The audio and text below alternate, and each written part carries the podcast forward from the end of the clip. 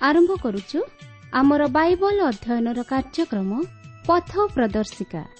ପବିତ୍ର ବାଇବଲ କହେ ଯଦି ଆମ୍ଭେମାନେ ଆପଣା ଆପଣା ପାପ ସ୍ୱୀକାର କରୁ ତେବେ ସେ ଆମ୍ଭମାନଙ୍କର ପାପ କ୍ଷମା କରିବାକୁ ଓ ସମସ୍ତ ଅଧର୍ମରୁ ଆମ୍ଭମାନଙ୍କୁ ପରିଷ୍କାର କରିବାକୁ ବିଶ୍ୱସ୍ତ ଓ ନ୍ୟାୟବାନ ଅଟନ୍ତି। ଆସନ୍ତୁ ସେହି ଉଦ୍ଧାରକର୍ତ୍ତାଙ୍କର ପରିଚୟ ପାଇବା ନିମନ୍ତେ ଶୁଣିବା ବେତାର କାର୍ଯ୍ୟକ୍ରମ ପଥ ପ୍ରଦର୍ଶିକା।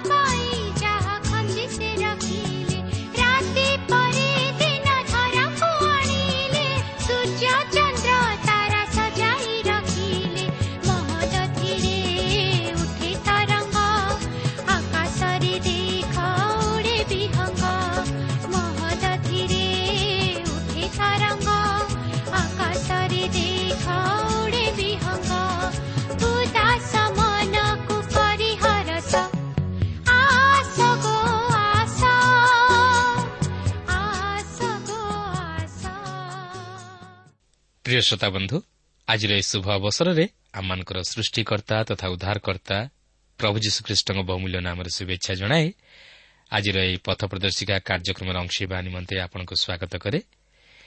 ଆପଣଙ୍କର ସହଯୋଗ ଏବଂ ମତାମତ ନିମନ୍ତେ ବିଶେଷ ଧନ୍ୟବାଦ। ଆପଣଙ୍କର ଅନୁରୋଧ ରକ୍ଷା କରି ଆମେ ଆପଣଙ୍କ ନିମନ୍ତେ ପ୍ରାର୍ଥନା କରୁଅଛୁ। ଆଉ ସେହି ପ୍ରଭୁ ଯୀଶୁ ନିଶ୍ଚିତ ଭାବରେ ଆପଣଙ୍କର ସହବର୍ତ୍ତୀ ହୋଇ ସମସ୍ତ ବିଷୟରେ ସୁରକ୍ଷା ପ୍ରଦାନ କରିବେ। ମୁହୂର୍ତ୍ତରେ ଆମେ ପ୍ରଭୁଙ୍କର ବାକ୍ୟ ମଧ୍ୟକୁ ଯିବା ପୂର୍ବରୁ ପ୍ରାର୍ଥନାର ସହିତ ପ୍ରଭୁଙ୍କ ବାକ୍ୟର ନିକଟବର୍ତ୍ତୀ ହେବା। ଆସନ୍ତୁ ପ୍ରାର୍ଥନା କରିବା। ପ୍ରିୟ ପବିତ୍ର ପ୍ରଭୁ ଆମମାନଙ୍କର ସ୍ୱର୍ଗବାସୀ ପିତା ଆମମାନଙ୍କର ପ୍ରେମକାରୀ ପିତା ଆମମାନଙ୍କର ଅନୁଗ୍ରହକାରୀ ପିତା ପ୍ରଭୁ ତୁମର ଧନ୍ୟବାଦ କରୁଅଛ ଏହି ସୁନ୍ଦର ସୁଯୋଗ ପାଏ। ପ୍ରଭୁ ତୁମର ବାକ୍ୟ ମଧ୍ୟ ଦେଇ ଆଜି ତୁମେ ଆମମାନଙ୍କ ସହିତ କଥା କହିବା ପାଇଁ ଯାଉଅଛ।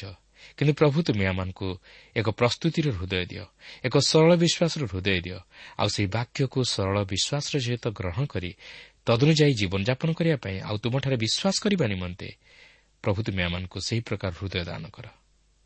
ଆଜିର କାର୍ଯ୍ୟକ୍ରମ ମଧ୍ୟ ଦେଇ ପ୍ରତ୍ୟେକ ଶ୍ରୋତାବନ୍ଧୁମାନଙ୍କୁ ତୁମେ ଆଶୀର୍ବାଦ କର। ପ୍ରତ୍ୟେକଙ୍କ ଜୀବନରେ ତୁମର ମହତ ଇଚ୍ଛା ଅଭିମତ ତୁମେ ସଫଳ କର। ଯୀଶୁଙ୍କ ନାମରେ ମାଗୁଅଛୁ।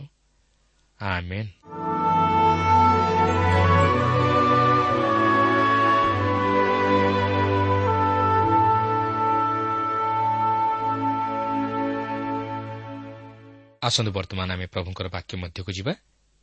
ଆଜି ଆମେ ଦ୍ୱିତୀୟ ସାମିଲ ପୁସ୍ତକ ତହିଁର ଦଶ ପର୍ବର ପ୍ରଥମ ପଦରୁ ଆରମ୍ଭ କରି ଏଗାର ପର୍ବର ତେର ପଦ ପର୍ଯ୍ୟନ୍ତ ଅଧ୍ୟୟନ କରିବା ନିମନ୍ତେ ଯିବା। ତେବେ ଗତ ଆଲୋଚନାରେ ଆମେ ଦେଖିଥିଲୁ ଦାଉଦ ଜୋନାଥନଙ୍କର ପୁତ୍ର ମଫିବସତ ସହିତ ବନ୍ଧୁତା ସ୍ଥାପନ କଲେ ଓ ମଫିବସତ ପ୍ରତି ଦୟା କରି ତାହାକୁ ତାଙ୍କର ସାନ୍ତ ବାପା ସାଉଲଙ୍କର ଭୂମି ସବୁ ପ୍ରଦାନ କଲେ ଓ ତାହାକୁ ତାହାଙ୍କର ମେଜରେ ବସି ଭୋଜନ କରିବା ନିମନ୍ତେ ଅନୁମତି ଦେଲେ। କାରଣ ଦାଉଦ ଜୋନାଥନଙ୍କ ସହିତ କରିଥିବା ନିୟମକୁ ରକ୍ଷା କରିବାକୁ ଯାଇ ତାହାଙ୍କ ପୁତ୍ର ମଫିବସତ ପ୍ରତି ଦୟା କରିବା ସଙ୍ଗେ ସଙ୍ଗେ ସାହାଯ୍ୟର ହସ୍ତ ମଧ୍ୟ ବଢ଼ାଇଥିଲେ ଓ ମଫିବସତକୁ ଏକ ରାଜପୁତ୍ରର ସମ୍ମାନ ମଧ୍ୟ ଦେଇଥିଲେ। କିନ୍ତୁ ଆଜି ଆମେ ଏହି ଦଶ ପର୍ବରେ ଦାଉଦ କିପରି ଅମନ୍ୟ ଓ ଅରାମିୟମାନଙ୍କ ସହିତ ଯୁଦ୍ଧ କରି ସେମାନଙ୍କୁ ପରାସ୍ତ କରି ତାହାଙ୍କର ବଶୀଭୂତ କରି ରଖିଲେ ତାହା ଲକ୍ଷ୍ୟ କରିବାକୁ ଯିବା ତେଣୁ ଦଶ ପର୍ବର ପ୍ରଥମ ତିନି ପଦ ମଧ୍ୟରେ ଏହିପରି ଲେଖା ଅଛି ଏଥିଉତାରେ ଅମନ ସନ୍ତାନଗଣର ରାଜା ମରନ୍ତେ ତାହାର ପୁତ୍ର ହାନୁନ୍ ତାହାର ପଦରେ ରାଜା ହେଲା। ତରେ ଦାଉଦ କହିଲେ ହାନୁନ୍ର ପିତା ନାହସ ଯେପରି ମୋ ପ୍ରତି ଦୟା ପ୍ରକାଶ କରିଥିଲା ସେପରି ମୁଁ ହାନୁନ୍ ପ୍ରତି ଦୟା ପ୍ରକାଶ କରିବି। ତେଣୁ ତାହାକୁ ପିତୃଶୋକରୁ ସାନ୍ତ୍ୱନା କରିବା ନିମନ୍ତେ ଦାଉଦ ଆପଣା ଦାସମାନଙ୍କୁ ପଠାଇଲେ। ତହୁ ଦାଉଦଙ୍କର ଦାସମାନେ ଅମନ ସନ୍ତାନଗଣର ଦେଶରେ ଉପସ୍ଥିତ ହେଲେ। ମାତ୍ର ଅମନ ସନ୍ତାନଗଣର ଅଧିପତିମାନେ ସେମାନଙ୍କ ପ୍ରଭୁ ହାନୁନ୍ଙ୍କୁ କହିଲେ ଦାଉଦ ଆପଣଙ୍କ ନିକଟକୁ ସାନ୍ତ୍ୱନାକାରୀମାନଙ୍କୁ ପଠାଇଅଛି ବୋଲି ସେ ଯେ ଆପଣଙ୍କ ପିତାଙ୍କର ସମ୍ଭ୍ରମ କରୁଅଛି ଏହା କି ଆପଣ ବିଚାର କରନ୍ତି? ଦାଉଦ କି ନଗର ଅନୁସନ୍ଧାନ କରିବା ଅଭିପ୍ରାୟରେ ତହିଁରେ ଭ୍ରମଣ କରିବାକୁ ଓ ତାହା ନାଶ କରିବାକୁ ଆପଣା ଦାସମାନଙ୍କୁ ତୁମ୍ଭ କତିକି ପଠାଇ ନାହିଁ? ଦେଖନ୍ତୁ ଏହି ଅଂଶରେ ଆପଣ ଲକ୍ଷ୍ୟ କରିପାରୁଥିବେ ଏହି ଲୋକମାନଙ୍କର ଦାଉଦଙ୍କ ଉପରେ ଆଦୌ ବିଶ୍ୱାସ ନଥିଲା। ସେ ଭାବିଲେ ଯେ ଦାଉଦ ବୋଧହୁଏ ସେମାନଙ୍କ ଉପରେ ଆକ୍ରମଣ କରିବା ନିମନ୍ତେ ଏହିପରି ଯୋଜନା ପ୍ରସ୍ତୁତ କରିଛନ୍ତି। କିନ୍ତୁ ପ୍ରକୃତରେ ଦାଉଦଙ୍କର ମନୋଭାବ ତାହା ନଥିଲା। ସେ ଅମନ ସନ୍ତାନଗଣର ରାଜା ହାନୁନ୍ ପ୍ରତି ଦୟା ପ୍ରକାଶ କରିବାକୁ ଚାହିଁଥିଲେ। କାରଣ ହାନୁନ୍ର ପିତା ନାହସ୍ ଦାଉଦଙ୍କ ପ୍ରତି ଦୟା ପ୍ରକାଶ କରିଥିଲା। ତେଣୁକରି ଦାଉଦ ତାହାର ପୁତ୍ର ହାନୁନ୍ ପ୍ରତି ଦୟା ପ୍ରକାଶ କରିବାକୁ ଇଚ୍ଛା କଲେ। ମାତ୍ର ତାହାଙ୍କର ଏହି ମନୋଭାବକୁ ଅମନ ସନ୍ତାନଗଣ ଭୁଲ ବୁଝିଲେ। ଦଶ ପର୍ବର ଚାରିପଦରେ ଏହିପରି ଲେଖା ଅଛି ତହିଁରେ ହାନୁନ୍ ଦାଉଦଙ୍କର ଦାସମାନଙ୍କୁ ଧରି ସେମାନଙ୍କ ଦାଢ଼ିର ଅଧେ କ୍ଷୌର କଲା ଓ ସେମାନଙ୍କ ପିଚା ପାଖ ବସ୍ତ୍ର ମଝିରୁ କାଟି ପକାଇ ସେମାନଙ୍କୁ ବିଦାୟ କରିଦେଲା। ଦେଖନ୍ତୁ ଏହା ଦାଉଦ ଓ ତାହାଙ୍କ ପ୍ରେରିତ ଲୋକମାନଙ୍କ ପ୍ରତି ଅପମାନ ବ୍ୟତୀତ ଅନ୍ୟ କିଛି ନୁହେଁ। ଏହାଠାରୁ ଭଳି ଘୋର ଲଜ୍ଜା ତଥା ଅପମାନଜନକ ବିଷୟ ଆଉ କ'ଣ ଥାଇପାରେ? କେତେକ ବାଇବଲ ସମାଲୋଚକ ବିଶ୍ୱାସ କରନ୍ତି ଯେ ଏହା ଯୁଦ୍ଧ ନିମନ୍ତେ ହାନୁନ୍ର ଏକ ଆହ୍ୱାନ ଥିଲା ଯେଉଁଠାରେ କି ଦାଉଦ ଏହାକୁ ଶାନ୍ତି ଓ ମଙ୍ଗଳର ବିଷୟ ବୋଲି ଭାବିଥିଲେ। ଦଶପର୍ବର ପାଞ୍ଚ ଓ ଛଅ ପଦରେ ଆମେ ଲକ୍ଷ୍ୟ କରୁ ଯେ ଅମନୀୟମାନେ ଦାଉଦଙ୍କ ସହିତ ଯୁଦ୍ଧ କରିବା ନିମନ୍ତେ ପ୍ରସ୍ତୁତ ହେଉଛନ୍ତି।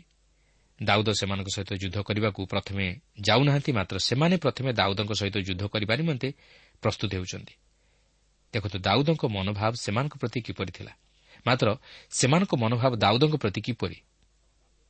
ସେମାନେ ଅର୍ଥ ମୂଲ୍ୟ ଦେଇ ଅରାମିୟମାନଙ୍କଠାରୁ ପଦାତିକ ସୈନ୍ୟମାନଙ୍କୁ ଆଣି ଯୁଦ୍ଧ ନିମନ୍ତେ ପ୍ରସ୍ତୁତ ହେଉଛନ୍ତି ଯାହାକି ଆମେ ପ୍ରଥମ ବଂଶାବଳୀ ପୁସ୍ତକ ଉଣେଇଶ ପର୍ବର ଛଅ ଓ ସାତ ପଦ ମଧ୍ୟରେ ଏହି ବିଷୟ ବର୍ଣ୍ଣିତ ହୋଇଥିବାର ଲକ୍ଷ୍ୟ କରିବାକୁ ପାରୁ।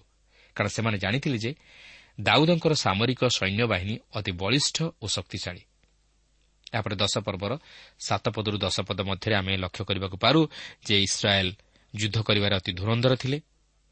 ଜୁଆବ ବର୍ତ୍ତମାନ ଅରାମିୟମାନଙ୍କର ପଦାତିକ ସୈନ୍ୟମାନଙ୍କ ମଧ୍ୟରେ ଓ ଅମନୀୟମାନଙ୍କ ସୈନ୍ୟଶ୍ରେଣୀ ମଧ୍ୟରେ ବିଚ୍ଛିନ୍ନତା ଆଣିବା ନିମନ୍ତେ ନିଜର ବଳିଷ୍ଠ ସୈନ୍ୟମାନଙ୍କୁ ସେମାନଙ୍କ ବିରୁଦ୍ଧରେ ସଜାଉଛନ୍ତି ଯେପରି ସେ ସେମାନଙ୍କୁ ସହଜରେ ପରାସ୍ତ କରି ସେମାନଙ୍କୁ ନିଜର ହସ୍ତଗତ କରନ୍ତି। ଦେଖନ୍ତୁ ଦାଉଦ ନିଜେ ଯାଉନାହାନ୍ତି ମାତ୍ର ସେ ଅନ୍ୟମାନଙ୍କୁ ପଠାଉଛନ୍ତି।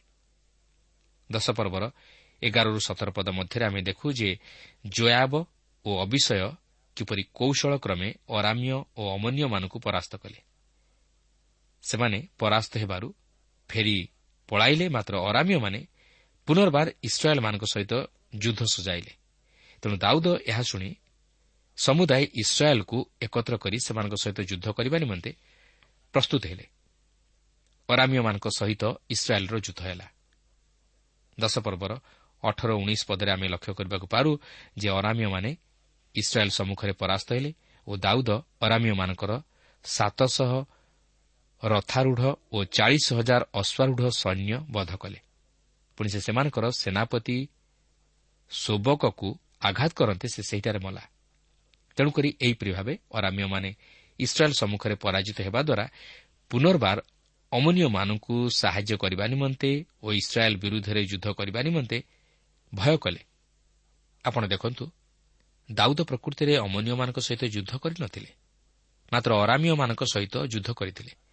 କିନ୍ତୁ ଅମନୀୟମାନେ ଅରାମୀୟମାନଙ୍କର ସାହାଯ୍ୟ ଲୋଡ଼ିଥିଲେ ତେଣୁକରି ଅରାମୀୟମାନେ ଅମନ ସନ୍ତାନଗଣ ସହିତ ଦାଉଦଙ୍କ ବିରୁଦ୍ଧରେ ଯୁଦ୍ଧ କରିବା ନିମନ୍ତେ ଆସିଥିଲେ।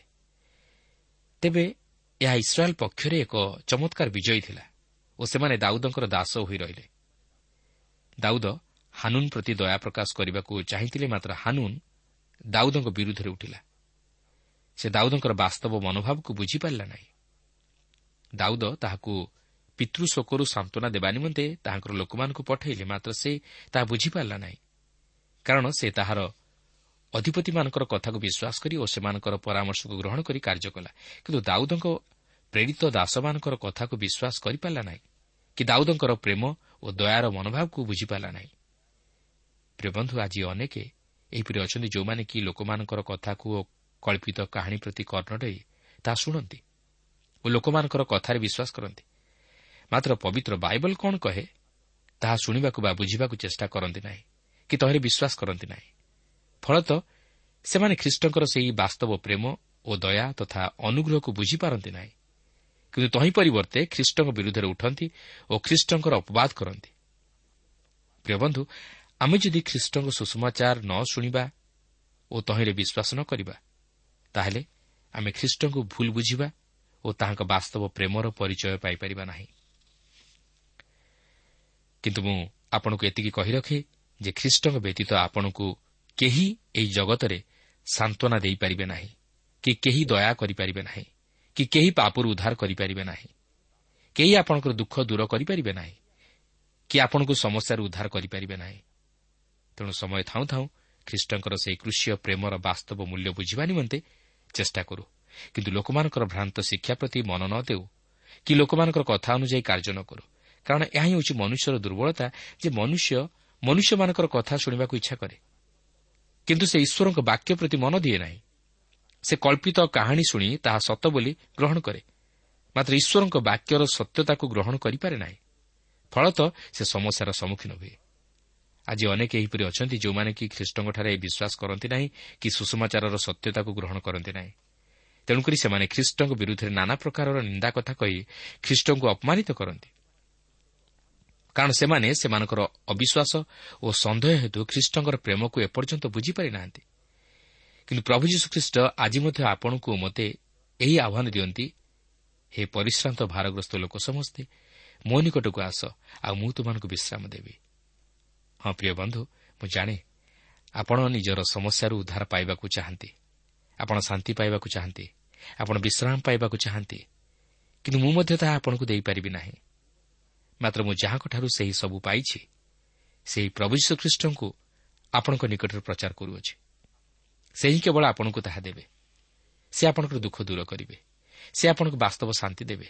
ସେ ଆପଣଙ୍କୁ ଆପଣଙ୍କର ପାପରୁ ଉଦ୍ଧାର କରି ବିଶ୍ରାମ ଦେବେ। କିନ୍ତୁ ଆପଣ ଯଦି ତାହାଙ୍କଠାରେ ବିଶ୍ୱାସ କରନ୍ତି ତାହେଲେ ଆପଣ ତାହାଙ୍କର ପ୍ରେମ ଦୟା ଓ ଅନୁଗ୍ରହକୁ ଭଲ ଭାବେ ବୁଝିପାରିବେ। ଯୌନ ତିନି ପର୍ବ ଷୋହଳ ପଦରେ ଲେଖା ଅଛି କାରଣ ଈଶ୍ୱର ଜଗତକୁ ଏଡ଼େ ପ୍ରେମ କଲେ ଯେ ସେ ଆପଣର ଅଦ୍ୱିତୀୟ ପୁତ୍ରଙ୍କୁ ଦାନ କଲେ। ଯେପରି ଯେ କେହି ତାହାଙ୍କଠାରେ ବିଶ୍ୱାସ କରେ ସେ ବିନଷ୍ଟ ନ ହୋଇ ଅନନ୍ତ ଜୀବନ ପ୍ରାପ୍ତ ହୁଏ। ବାସ୍ତବରେ ଈଶ୍ୱରଙ୍କ ପ୍ରେମ ବୁଝିବାକୁ ହେଲେ ଆମକୁ ଖ୍ରୀଷ୍ଟଙ୍କଠାରେ ବିଶ୍ୱାସ କରିବାକୁ ହେବ ଓ ଖ୍ରୀଷ୍ଟଙ୍କ ପ୍ରତି ଦୃଷ୍ଟି କରିବାକୁ ହେବ। କିନ୍ତୁ ଆମେ ଯଦି ଜଗତ ପ୍ରତି ଦୃଷ୍ଟି କରିବା ଓ ଜଗତର ଲୋକମାନଙ୍କର ବିଭିନ୍ନ ପ୍ରକାର ଭ୍ରାନ୍ତ ଶିକ୍ଷା ଓ କାଳ୍ପନିକ ଚିନ୍ତାଧାରାରେ ପରିଚାଳିତ ହେବା ତାହେଲେ ଆମେ ଈଶ୍ୱରଙ୍କର ପ୍ରେମକୁ ତଥା ଅନୁଗ୍ରହକୁ ବୁଝିପାରିବା ନାହିଁ। ତେଣୁ ଆସୁ ସେହି ଖ୍ରୀଷ୍ଟଙ୍କର କୃଷ ପ୍ରତି ଲକ୍ଷ୍ୟ କରି ତାହାଙ୍କର ସେହି କୃଷିୟ ପ୍ରେମର ବାସ୍ତବତାକୁ ଉପଲବ୍ଧି କରିବା ନିମନ୍ତେ ଚେଷ୍ଟା କରୁ। ଆସନ୍ତୁ ବର୍ତ୍ତମାନ ଆମେ ଏଗାର ପର୍ବ ମଧ୍ୟକୁ ଯିବା। ଏହି ଏଗାର ପର୍ବର ପ୍ରଥମ ପଦରେ ଏହିପରି ଲେଖା ଅଛି ଅନନ୍ତର ବର୍ଷର ପରିବର୍ତ୍ତନ ସମୟରେ ରାଜାମାନେ ଯୁଦ୍ଧକୁ ଯିବାବେଳେ ଦାଉଦ ଜୟାବକୁ ଓ ତାହା ସହିତ ଆପଣ ଦାସମାନଙ୍କୁ ଓ ସମୁଦାୟ ଇସ୍ରାଏଲ୍କୁ ପଠାଇଲେ। ତହିଁରେ ସେମାନେ ଅମନ ସନ୍ତାନମାନଙ୍କୁ ସଂହାର କରି ରବ୍ବା ନଗର ଅବରୋଧ କଲେ ମାତ୍ର ଦାଉଦ ଜିରୁସାଲାମରେ ରହିଲେ। ଦେଖନ୍ତୁ ବର୍ଷର ଏକ ସମୟରେ ରାଜାମାନେ ଯୁଦ୍ଧ କରିବାକୁ ଗଲେ। ଅନ୍ୟ ଅର୍ଥରେ କହିବାକୁ ଗଲେ ସେହି ସମୟରେ ଯୁଦ୍ଧ କରିବା ନିମନ୍ତେ ଏକ ସ୍ୱତନ୍ତ୍ର ସମୟ ଥିଲା। ଯେଉଁ ସମୟରେ ସେମାନେ ଖୋଲାଖୋଲି ଭାବେ ପରସ୍କର ସହିତ ଯୁଦ୍ଧ କରୁଥିଲେ।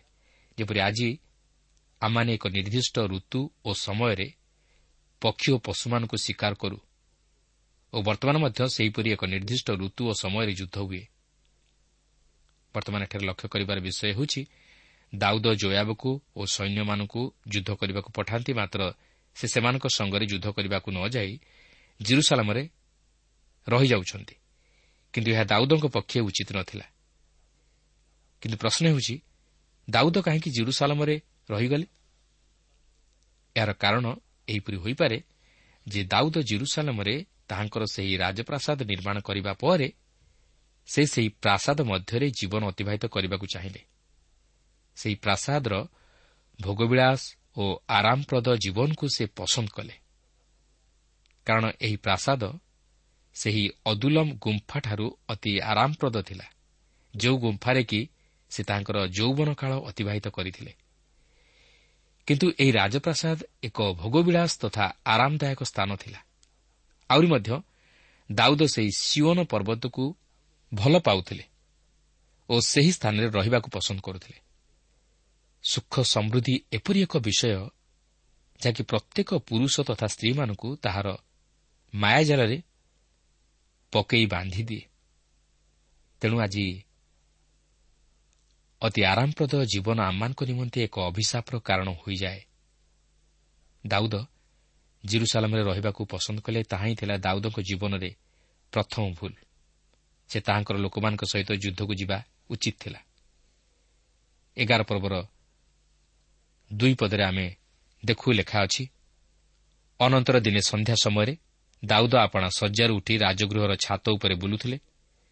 ପୁଣି ସେହି ଛାତ ଉପରୁ ସେ ଏକ ସ୍ତ୍ରୀକୁ ସ୍ନାନ କରୁଥିବା ଦେଖିଲେ। ସେହି ସ୍ତ୍ରୀ ଦେଖିବାକୁ ଅତି ସୁନ୍ଦରୀ ଥିଲା।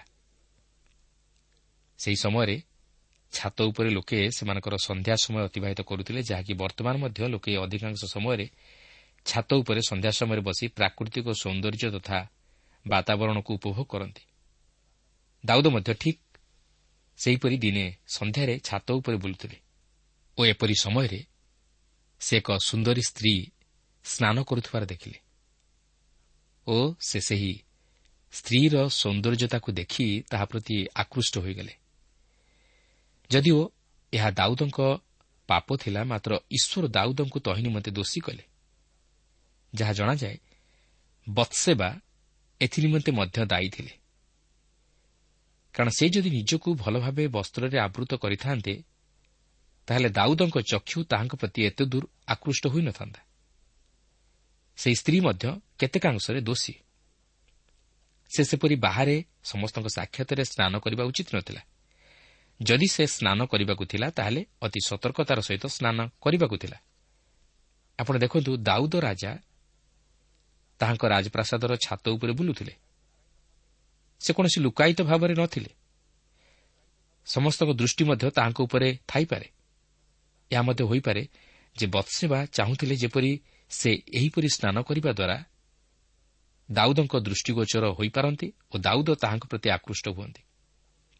ତେଣୁକରି ହୋଇପାରେ। ସେହି ସ୍ତ୍ରୀ ଅର୍ଥାତ୍ ବତ୍ସେବା ବାହାରେ ପ୍ରକାଶ୍ୟରେ ଛାତ ଉପରେ ଗାଧୋଉଥିଲା ଯେପରି ସେ ଦାଉଦଙ୍କର ଦୃଷ୍ଟିଗୋଚର ହୋଇପାରନ୍ତି।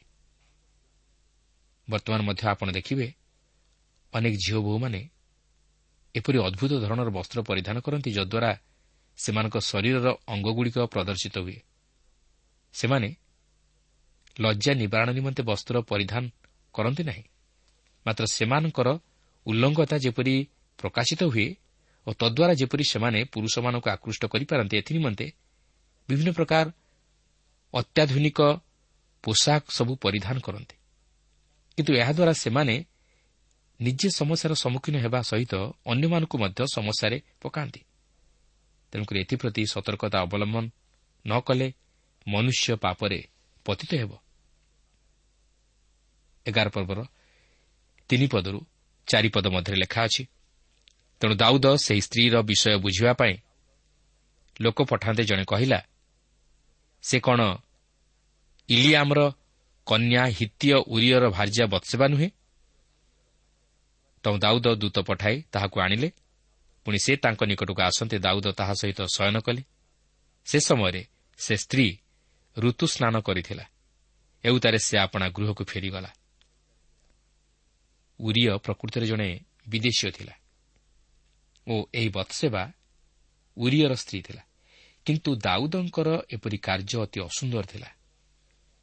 କିନ୍ତୁ ଦାଉଦ ଯଦି ତାଙ୍କ ଲୋକମାନଙ୍କ ସହିତ ଯୁଦ୍ଧକୁ ଯାଇଥାନ୍ତେ ତାହେଲେ ଏପରି ଘଟଣା ବୋଧହୁଏ ଘଟିନଥାନ୍ତା କିମ୍ବା ଯଦି ବତ୍ସେବା ନିଜର ଗୃହ ମଧ୍ୟରେ ସ୍ନାନ କରିଥାନ୍ତେ ତାହେଲେ ଏପରି ଘଟଣା ମଧ୍ୟ ଘଟିନଥାନ୍ତା କିନ୍ତୁ ଏଠାରେ ଉଭୟଙ୍କୁ ଦୋଷ ଦିଆଯାଇପାରେ। କିନ୍ତୁ ଦାଉଦ ଯେହେତୁ ଈଶ୍ୱରଙ୍କୁ ଜାଣିଥିଲେ ଓ ପାପ ପୁଣ୍ୟର ଭେଦାଭେଦ ଜାଣିଥିଲେ ଓ ତହିଁର ପରିଣାମ ବିଷୟରେ ଅବଗତ ଥିଲେ ତେଣୁକରି ଏ କ୍ଷେତ୍ରରେ ଦାଉଦଙ୍କୁ ବିଶେଷ କରି ଦୋଷ ଦିଆଯାଏ। ଈଶ୍ୱର ଦାଉଦଙ୍କୁ ଏଥି ନିମନ୍ତେ ଦୋଷୀ କରନ୍ତି ଓ ତାହାଙ୍କର ବିଚାର ମଧ୍ୟ କରନ୍ତି। ଏଗାର ପର୍ବର ପାଞ୍ଚ ପଦରେ ଲେଖା ଅଛି ଅନନ୍ତର ସେ ସ୍ତ୍ରୀ ଗର୍ଭବତୀ ହୁଅନ୍ତେ ଦାଉଦଙ୍କ ନିକଟକୁ ଲୋକ ପଠାଇ ଜଣାଇ କହିଲା ମୁଁ ଗର୍ଭବତୀ ହୋଇଅଛି। ବର୍ତ୍ତମାନ ଦାଉଦ ପ୍ରକୃତ ସମସ୍ୟାର ସମ୍ମୁଖୀନ ହେଉଛନ୍ତି। ସେ ବର୍ତ୍ତମାନ କ'ଣ କରିବା ପାଇଁ ଯାଉଅଛନ୍ତି? ଉରିୟ ଯିଏକି ବତ୍ସେବାର ସ୍ୱାମୀ ଥିଲେ ସେ ଦାଉଦଙ୍କର ଏକ ଯୋଦ୍ଧା ଥିଲେ। ସେ ଦାଉଦଙ୍କର ଏକ ବିଶ୍ୱସ୍ତ ଯୋଦ୍ଧା ହିସାବରେ ଯୁଦ୍ଧ କରୁଥିଲେ। ତେବେ ସେହି ବତ୍ସେବା ଦାଉଦଙ୍କ ଆଡ଼ୁ ଗର୍ଭବତୀ ହେବାରୁ ସେ ଦାଉଦଙ୍କୁ ତାହା ଜଣାଇଲା। ଦେଖନ୍ତୁ ଦାଉଦ ବର୍ତ୍ତମାନ କ'ଣ କରିବା ପାଇଁ ଯାଉଅଛନ୍ତି? ଏଗାର ପର୍ବର ଛଅ ଓ ସାତ ପଦରେ ଲେଖା ଅଛି। ତୁ ଦାଉଦ ଜୟାବ ନିକଟକୁ ଲୋକ ପଠାଇ କହିଲେ ହିତୀୟ ଉରିୟକୁ ମୋ କତିକି ପଠାଇ ଦିଅ। ତହିଁରେ ଜୟାବ ଉରିୟକୁ ଦାଉଦଙ୍କ କତିକି ପଠାଇଦେଲା ତେଣୁ ଉରିୟ ଉପସ୍ଥିତ ହୁଅନ୍ତେ ଦାଉଦ ତାହାକୁ ଜୟାବର କୁଶଳ ବାର୍ତ୍ତା ଓ ଲୋକମାନଙ୍କର କୁଶଳ ବାର୍ତ୍ତା ଓ ଯୁଦ୍ଧର କୁଶଳ ବାର୍ତ୍ତା ପଚାରିଲେ। ଦେଖନ୍ତୁ ଦାଉଦ ଏଠାରେ ଉରିୟଙ୍କୁ ଡକାଇ ତାଙ୍କଠାରୁ ଯୁଦ୍ଧର ସମସ୍ତ ବିଷୟ ପଚାରି ବୁଝିବାର ଏକ ଛଳନା କରୁଛନ୍ତି। ମାତ୍ର ପ୍ରକୃତିରେ ଘଟଣା ସେପରି ନଥିଲା। ଦାଉଦ ଦୋଷମୁକ୍ତ ହେବା ନିମନ୍ତେ ସେହିପରି ଏକ ଚକ୍ରାନ୍ତ କରିଥିଲେ ଯେପରି ଉରିୟ ତାହାର ନିଜ ଗୃହକୁ ଯାଇ ସେହି ସ୍ତ୍ରୀ ସହିତ ଶୟନ କରିବା ଦ୍ୱାରା ଦାଉଦଙ୍କ ଆଡ଼ୁ ବତ୍ସେବା ଯେ ଗର୍ଭବତୀ ହୋଇନାହିଁ ଏହା ଯେପରି ପ୍ରମାଣିତ ହୁଏ। କିନ୍ତୁ ଆପଣ ଦେଖନ୍ତୁ ଦାଉଦ ଗୋଟିଏ ପାପକୁ ଲୁଚାଇବାକୁ ଯାଇ କିପରି ପାପ ଉପରେ ପାପ କରନ୍ତି। ଏଗାର ପର୍ବର ଆଠ ପଦରୁ ତେର ପଦ ମଧ୍ୟରେ ଏହିପରି ଲେଖା ଅଛି। ପୁଣି ଦାଉଦ ଉରିୟକୁ କହିଲେ ଆପଣା ଗୃହକୁ ଯାଇ ପାଦ ପ୍ରକ୍ଷାଳନ କର। ତହିଁରେ ଉରିୟ ରାଜଗୃହରୁ ବାହାରିଗଲା। ପୁଣି ତା ପଛେ ପଛେ ରାଜାଙ୍କ ନିକଟରୁ ଖାଦ୍ୟଦ୍ରବ୍ୟ ଗଲା। ମାତ୍ର ଉରିୟ ଆପଣା ପ୍ରଭୁର ଦାସଗଣ ସହିତ ରାଜଗୃହ ଦ୍ୱାରରେ ଶୟନ କଲା। ଆଉ ଆପଣା ଗୃହକୁ ଗଲା ନାହିଁ। ଏଥିରେ ଉରିୟ ଆପଣା ଗୃହକୁ ଯାଇନାହିଁ ଏହା ଲୋକମାନେ ଦାଉଦଙ୍କୁ ଜଣାନ୍ତେ। ଦାଉଦ ଉରିୟକୁ କହିଲେ ତୁମେ କ'ଣ ଯାତ୍ରାରୁ ଆସିନାହ? ଆପଣା ଗୃହକୁ କାହିଁକି ଗଲ ନାହିଁ? ତେବେ ଉରିୟ ଦାଉଦଙ୍କୁ କହିଲା ସିନ୍ଧୁକ ଓ ଇସ୍ରାଏଲ୍ ଓ ଜିହୁଦା ପତ୍ରକୁଟୀରରେ ଅଛନ୍ତି ଓ ମୋ ପ୍ରଭୁ ଜୟାବ ଓ ମୋର ପ୍ରଭୁଙ୍କ ଦାସମାନେ ପଦାରେ ଛାଉଣି କରି ଅଛନ୍ତି। ତେବେ ମୁଁ କ'ଣ ଭୋଜନ କରିବାକୁ ଓ ପାନ କରିବାକୁ ଓ ଭାର୍ଯ୍ୟା ସଙ୍ଗେ ଶୟନ କରିବାକୁ ଆପଣ ଗୃହକୁ ଯିବେ? ଆପଣ ଜୀବିତ ଓ ଆପଣଙ୍କ ପ୍ରାଣ ଜୀବିତ ଥିବା ପ୍ରମାଣେ ମୁଁ ଏକଥା କରିବି ନାହିଁ। ଏଥିରେ ଦାଉଦ ଉରିୟକୁ କହିଲେ ଆଜି ମଧ୍ୟ ଏଠାରେ ଥାଅ ମୁଁ କାଲି ତୁମକୁ ବିଦାୟ କରିବି। ତହୁଁ ଉରିୟ ସେଦିନ ଓ ପରଦିନ ଜିରୁସାଲାମରେ ରହିଲା।